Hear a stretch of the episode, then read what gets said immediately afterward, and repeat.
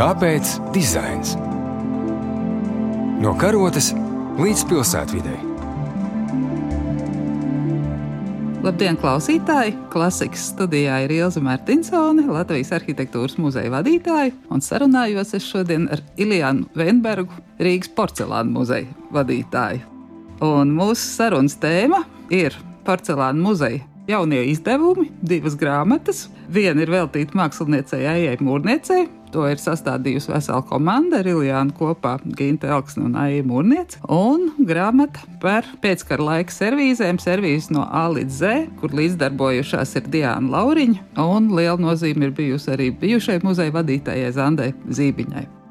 Bet pirms es sāku mūsu sarunu par konkrētajām grāmatām, par izdevumiem, jāpiemina, ka noticis ir kurjos. Es saprotu, ka viena no grāmatām ir izgrābta, izķerta tirāža. Un tas ir paradoks, ka mēs par to jau runājam tagad pagātnes izteiksmē. Bet uh, muzejs ir solījis iespējamu papildu tirāžu tiem, kas nav dabūjuši grāmatu. Bet pirms mēs runājam par grāmatām, man ir jāpasaka pāris vārdi par porcelāna muzeja sākotni, tāpēc, ka es biju procesam netieši lieciniece. Jo 90.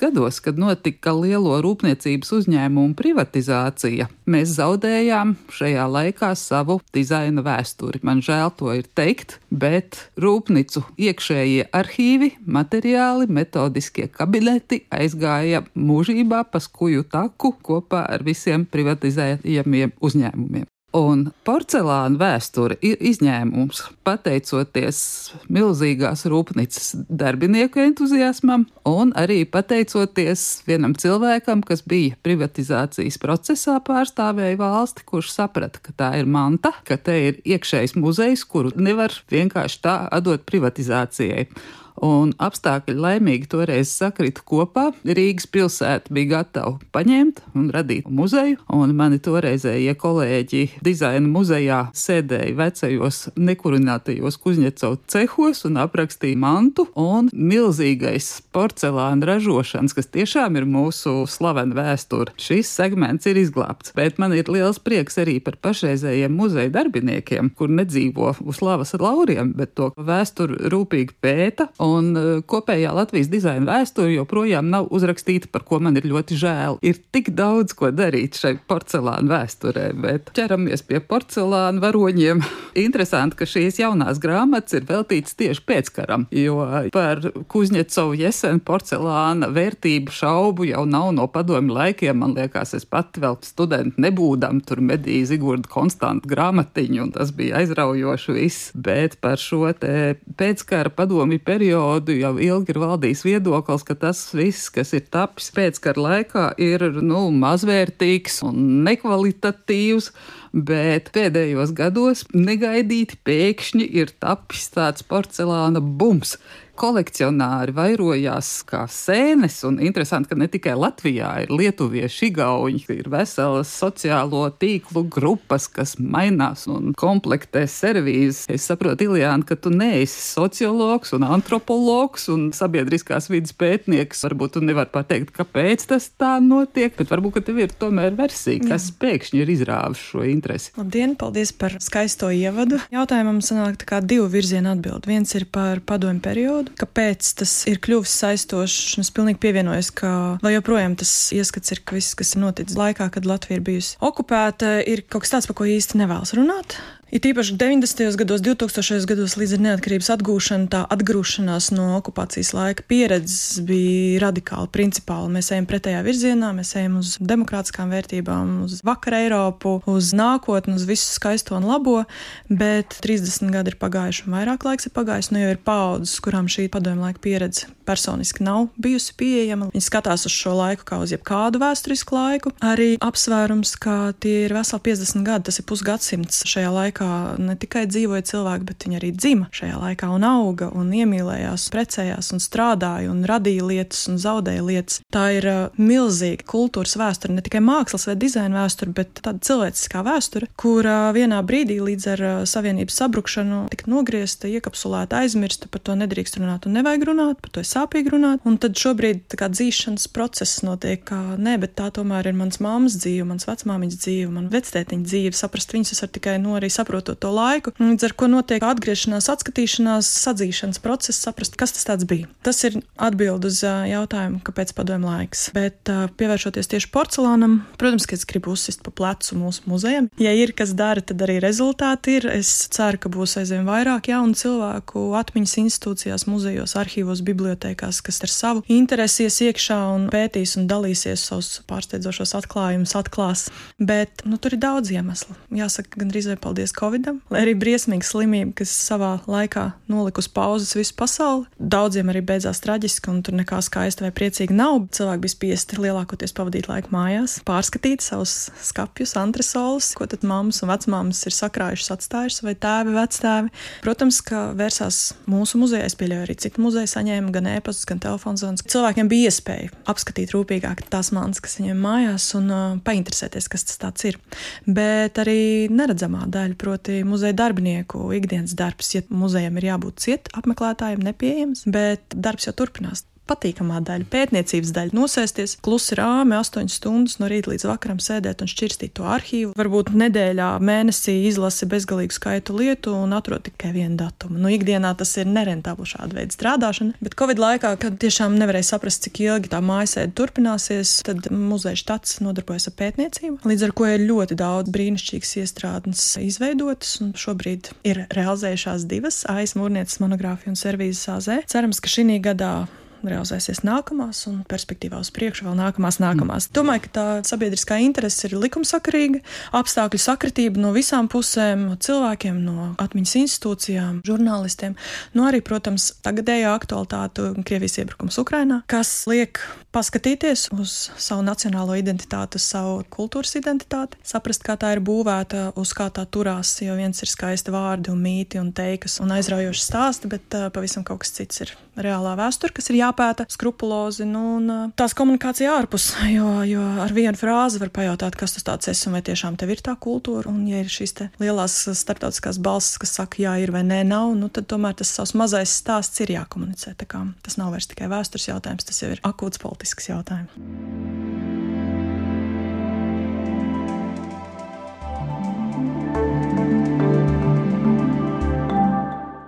Jā, Ilijāna, es ļoti priecātos, ja process ar to sadzīšanu ātrāk pārsviestos uz mani jomu, uz arhitektūru, jo tas notiek daudz, daudz lēnāk par padomu laika arhitektūras atzīšanu. Tu pieminēji skapju pārkrāmēšanas variants, un smieklīgi, ka tas tiešām tā ir, jo mūsu raidījuma vadītāja Ilsa Dobela man lūdz tev nodot, ka arī viņas mājās grāmatas iespējā ir notikusi skapju revīzija, un cilvēki to, ko pazīst, viņiem ir pavisam cita interese pret to. Jaunajā izdevumā ir publicēts viss ražoto tējas, kafīšu, servīžu formas, un ir paraugi ar apgleznojumiem un dekoliem, bet es arī no savas pieredzes zinu, ka tie apgleznojumi un dekoli ir bijuši daudz, daudz vairāk. Līdz ar to varbūt visi neatrod to savu kāroto. Varbūt, ka muzejam ir kaut kāds digitāls pielikums, kur varētu redzēt arī visu to pārējo. Nu, tas būtu skaisti. Tas būtu līdzīgi kā Somijā Arābijas muzejam, kam pat muzeja ekspozīcija diezgan kompakta, stilīga. Vari aiziet īsi skaisti paskatīties un instagramēties, bet viss lielais materiāla krājums ir digitalizēts un pieejams tiešsaistē. Šobrīd ir daudz iemeslu, kāpēc mēs to īsti nevaram realizēt, bet atkāpjoties nedaudz atpakaļ, Zināmā mērā arī atbildot vēl uz iepriekšējo jautājumu, kāpēc ir tā popularitāte, jo tas ir rūpniecisks priekšmets, tas ir reāli pieejams priekšmets. Ja ir tas laikmatīgās mākslas, piemēram, bubuli, saka, vai laikmatīgā māksla tā ir tik briesmīga, ir tiešām biedējoši, ja tev kopš bērnības nav vedušais rokas uz tām baltajām izstāžu zālēm ar nesaprotamiem milzu objektiem un kustīgām kaut kādām lietām, tad tas tiešām var šķist svešs, nu, ne tev domāts. Bet rūpnieciskais dizains, funkcionālais dizains, parastās lietas, zobirste un pidžambikse un tējas krūze ir ikdienas vienkārši saprotams, tur to esi audzis, tas ir tavs. Līdz ar to tas priekšmets tev nebiedē.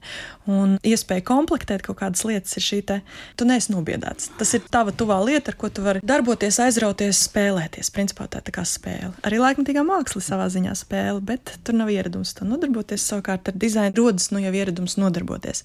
Un uh, parasti cilvēki, kas pirmo reizi pietuvojas šai tēmai, it īpaši porcelānā, nu tad uh, pirmā skaidrojošā frāze parasti ir, ka ražotam porcelānam ir forma un ir dekors. Ir tās tiešām nošķirtas lietas. Jo, kad cilvēks skatās uz trauku, lielākoties redz, nu, tur puķi puķetīti, un tad pēc līdzīgām puķu puķetītēm komplektē savu tējas vai kafijas servīzi. Un tad tas pirmais solis norādīt, iemācīt, ka ir vispirms forma, ir telnieks vai dizainers, keramiķis, kas ir izveidojis siluetu, telpisko objektu, un tad ir dekors, kur savukārt strādā grafiskais mākslinieks, un arī keramiķi, dizaineri lielākoties tomēr vizuālajie mākslinieki, grafiķi, kas uh, izstrādā šo dekoru. Un iemesls tam ir tas, ka, lai uzražotu priekšmetu, tas prasa diezgan vairāk resursus iestatīt ražošanas līniju, nekā izstrādāt jaunu dekoru un atjaunot servīzi ar šo atšķirīgo izskatu. Jo bieži vien tas estētiskais risinājums rada pavisam citu vizuālo tēlu. Pat es pārsteigts, ka tā ir tā pati forma, bet uh, izrādās, cik ļoti citādāk var izskatīties šis priekšmets. Jā, ja dekors ir tas, ar ko var uh, diezgan raiti izmainīt izskatu priekšmetam, tad tas ir arī tas, kā fabrika operatīvi aktualizē savu produkciju. Un tāpēc dekora ir ļoti, ļoti daudz. Šajā izdevumā mēs tiešām fokusējāmies uz formām, parādīt, kādas ir formas, cik daudz, dažādas. Šis tas ir balicis arī aiz iekavām, īpaši pēckara laikā, kad ir nepieciešama skrupulozāka un fundamentālāka pētniecība, kādas tieši formas, cik lielā mērā un cik ilgi tika pēc tam ražots 40. gados, varbūt pat līdz 50. gadiem mums ir iekļauts populārākās. Es konkrēti zinu, ka precīzi viena palikusi aiz kadra, jo servīzē nav nosaukuma un līdz ar to nevar saprast arhīvu dokumentos, kur klāt nav bildes, bet ir tikai rakstīts teksts un ciparu kombinācijas, kura tieši tā servīze ir. Un iespējams pat netika ražot servīze, bet tikai tāšu apakštašu komplekti. Tā kā mēs nevarējām precīzi noskaidrot, tas ir viens piemērs, kas palicis aiz kadra. Vēl aiz kadra ir palikušas lietas, kas ir muzeja krājumā un nav minēti datējumi, nav nav minēta nosaukuma, un tas var būt jebkas 40, gadi, 50, 60 gadi, varbūt uh, kaut kāds mēģinājums, kaut kāds dāvinājums. Nu, kas tas ir, mēs nezinām. Tas arī ir palicis aiz iekavām. Aiz iekavām ir palikušas vēl vesela strīpa tēma, no kā viena no interesantākajām būtu, kas paplašina šo tēmu Joma ārpus konkrēti porcelāna ir sadarbība ar keramikas fabriku ar Jēlgavu, jo 80. gados gan balzām pudeles mēģināja ražot porcelānā, tāpat arī dizaini, kas tika izstrādāti porcelānā, daļēji tika ražoti pēc tam keramikā, nevis porcelānā, un tad mums ir nonācis uzmanības lokā servīzes, kas ir skaidrs zināms, ka ir porcelāna formas, bet parādās arī keramiskajos materiālos, un ir jautājums, kurā brīdī vai 90. gados mēģinot kaut kā to visu vēl noturēt virs ūdens. Tā kā ir šādi tādi aspekti, kas ir palikuši aiz iekavām, bet tie ir tādi margināli, kuriozi, kurus tad var pētīt tālāk. Bet uh, dekoros mēs tiešām negājām dziļi iekšā tikai tik daudz, cik atvērumā ielikt skaistas, krāsainas bildes. Vēlams arī parādot to daudzveidību, kāds var būt dekors, jo katram dekoram ir kategorija, vienkāršāks, sarežģītāks varbūt plaši tiražēts, varbūt unikāls mākslas darbs, izstāžu darbs, varbūt ražošanai piedāvāts dekors, ko neakceptē, tad tas paliek vienā eksemplārā. Tā kā parādīt to spektru, ka ir dažādi dekorējumi, ka tie ir dažādi arī estētiski, unikāli un, un neunikāli, bet tas ir tā teikt nākamais solis, ko būtu vērts spērt, un to būs ļoti grūti spērt. Jo tādā rūpnieciskajā hierarhijā, teiksim tā, vispār vizuālās mākslas hierarhijā ir vizuāla plastiskā māksla, ir tas panteona augšgalā, pats pats, tad ir lietušķā māksla māksla. Mākslinieki, kas strādā ar materiāliem, tad ir ražotā māksla. Un ražotajā mākslā savukārt, ja formas autors ir tēlnieks un tas elites mākslinieks tajā savā līmenī, tad tie mākslinieki, kas strādā ar dekoriem, nu, teikt, ir zemāks līmeņa mākslinieki. Un attiecīgi, tāpēc mēs arī, piemēram, mūrnieces grāmatu izdevām, jo viņi ir mākslinieci, kur lai arī ir skolota kā keramiķi un spēja radīt formas, viņi principā formām nestrādā, viņi strādā ar dekoriem. Nu, tas ir tāds pirmais pietuvinājums, paskatīties, kāds ir dzīves gājums, kāds ir darba gājums fabrikas māksliniecei komandai, kas strādā ar šo te nosacīti klasifikācijā zemāko kastu, dekoriem. Man Ilijāna ļoti patika, ka tu piesauc to panteonu, tāpēc, ka man radās doma tieši par to, ka padomi laikā jau rūpniecībā strādājošie bija tikai skrūvīts mehānismā, un viņu vārds vispār neko nenozīmē. Un mana dizaina pētniecības pieredze rāda to, ka es eju intervēt vecos dizainerus, un viņi gandrīz vai kaunās no tā, ka viņi ir strādājuši rūpniecībā. Viņi velk no pagultas ārā savus akvareļus un radošos Jā. darbus. Un es gribu domāt, ka jūsu izdevumi šie tie ir tādi priekšgājēji, kas atdos dizainam vispār vārdu. Cilvēki sāk interesēties par to, ko viņi pazīst, un skandināvi skaidri zina, ka viņi sēž uz Bruno Matsona krēsla vai Noras Guldbransens servīzi izmanto, un pēdējais laiks ir mums pienācis Jā. to darīt. Bet jāsaka, ka mūsu trauki un vispār mūsu dizaini dizains no rietumu puses tomēr atšķirās ar savām tehnoloģijām. Tā laika kaut vai austrumvācu VDR ražotās servijas tehniskā kvalitāte viņām ir pavisam cita, lai gan mūsu dizaineri ir mākslinieciski spēcīgi un konkurētspējīgi. Cik daudz tās tehnoloģijas viņiem aplauza spārnus tajā laikā? Protams, ka diezgan lielā mērā. Tas ir jāskatās visu šī ekonomiskā sistēma kopumā. Plānveida ekonomika, komanda ekonomika, veids, kā tiek organizēta resursu ieguve, aprite, ko tu vari, ko tu nevari atļauties. Gribētos jau visu atbildību uzlikt uz mākslinieku, vai tu esi labs mākslinieks vai slikts mākslinieks, vai tu māki uztaisīt skaisti vai tu nemāki uztaisīt skaisti. Bet ir skaidrs, ka mākslinieks viens pats nav atbildīgs un vainīgs pie tā rezultāta, ka tas ir nosacījuma kopums, kas tiešām ir tautsēmniecisks, ir izrietoši no tā sava laika, kas ir okupācijas laiks. Un kā tu pareizi minēji, ka rūpnīcas mākslinieki ir skrūvītas tajā sistēmā, bet ne tikai rūpnīcas mākslinieki, vispār šis strādnieku valsts kolektīvais darbs, kur kopējais sasniegums, valsts sasniegums vai pilsētas vai rūpnīcas sasniegums, bet nevis individuāla persona sasniegums. Individuālās personas savukārt bija rezervētas šiem citiem līmeņiem. Tur tiešām ir izcelts viens vai daži, kas ir neapstrīdami, neaizskarami, un viņi kā tādi tiek arī tālāk promotēti. Tā ir tāda plašāka saruna, kas un kā tika organizēts padomju periodā, bet uh, secinājumi principā ir divi. Viens, ka nevar likt visu atbildību tikai uz mākslinieku, ka tā tiešām ir sistēma, un tas ir lūdzu padomājiet arī mūsdienās, ka labais kultūras produkts vai labais kultūras rezultāts ir ne tikai mākslinieka talants vai spēja vai nespēja, bet arī šķietam nesaistītu institūciju organizāciju, plānu, stratēģiju, politiku īstenībā rezultāts, kur iesaistīti ir ne tikai mākslinieki, bet arī ekonomisti, politiķi, pašvaldību vadītāji.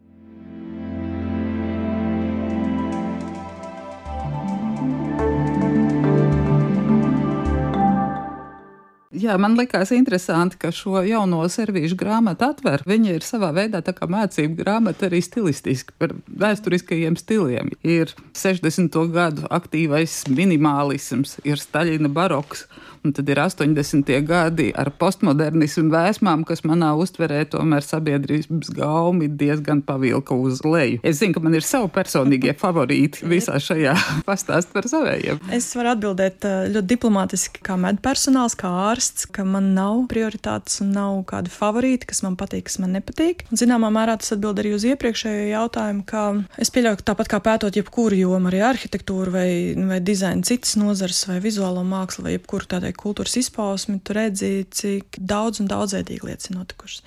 Man varbūt fascinē ne tik daudz kāds konkrēts piemērs vai estētisks risinājums vai autors viņa dzīves gājums, bet man fascinē tas, cik īstenībā bagāta Latvijas kultūras vēsture ir. Tie cilvēki, kas ir strādājuši, ir milzīgs skaits. Ja porcelāna jomā tie ir simts plus, var saskaitīt dažādu līmeņu mākslinieki, kas ir iesaistīti pašu produktu tapšanā. Es pieļauju, ka citās jomās ir saliek kopā, tas skaits vienkārši.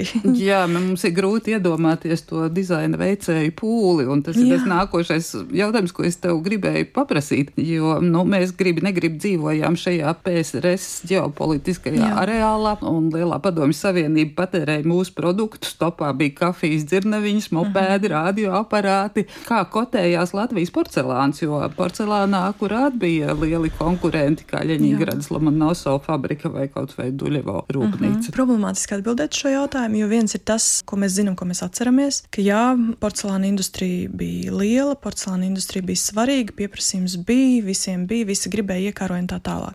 Mēs ļoti labi zinām, kā padomju laikos notika statistikas veidošana, kā notika viedokļu veidošana, kā tika promotēts un popularizēts. Līdz ar to ir, manuprāt, jāpārskata visi šie jēdzieni un vērtējumi, un to var izdarīt tikai tad, ja tiek pētīts. Jo ar ko asociējas padomju periods 20. gadsimta otrās puses porcelāns lielākoties ir 80. gadu produkcija, kad ražošana jau bija tiešām megalomāniska, milzīga. Dekori bija nevienmēr pašas estētiski kvalitatīvākie, bet jāatskatās atpakaļ, ir bijuši dažādi periodi, ir bijuši dažādi autori, ir bijis dažāda estētika, dažādi iesaisti sadzīvē, kādā brīdī kaut kas ir bijis nozīmīgāks, mazāk nozīmīgs, kaut kādā brīdī no kaut kā atgrūdās un nopirka status pēc, bet ikdienā nelietoja. Tur ir jāpēta un vēlreiz jāpēta, lai varētu pārskatīt šo laiku jau uz nosacījumiem, kādi mums mūsdienās ir svarīgi. Nevairs turpināt un atkārtot padomu laika veiksmes stāstu, frāzes vai tieši pretēji neveiksmes stāstu frāzes. Teikšu tev paldies, Ilijāna. Klasikas studijā bija Ilza Martinsone un Ilijāna Venberga. Raidījums ir tapis ar valsts kultūra kapitāla fonda atbalstu.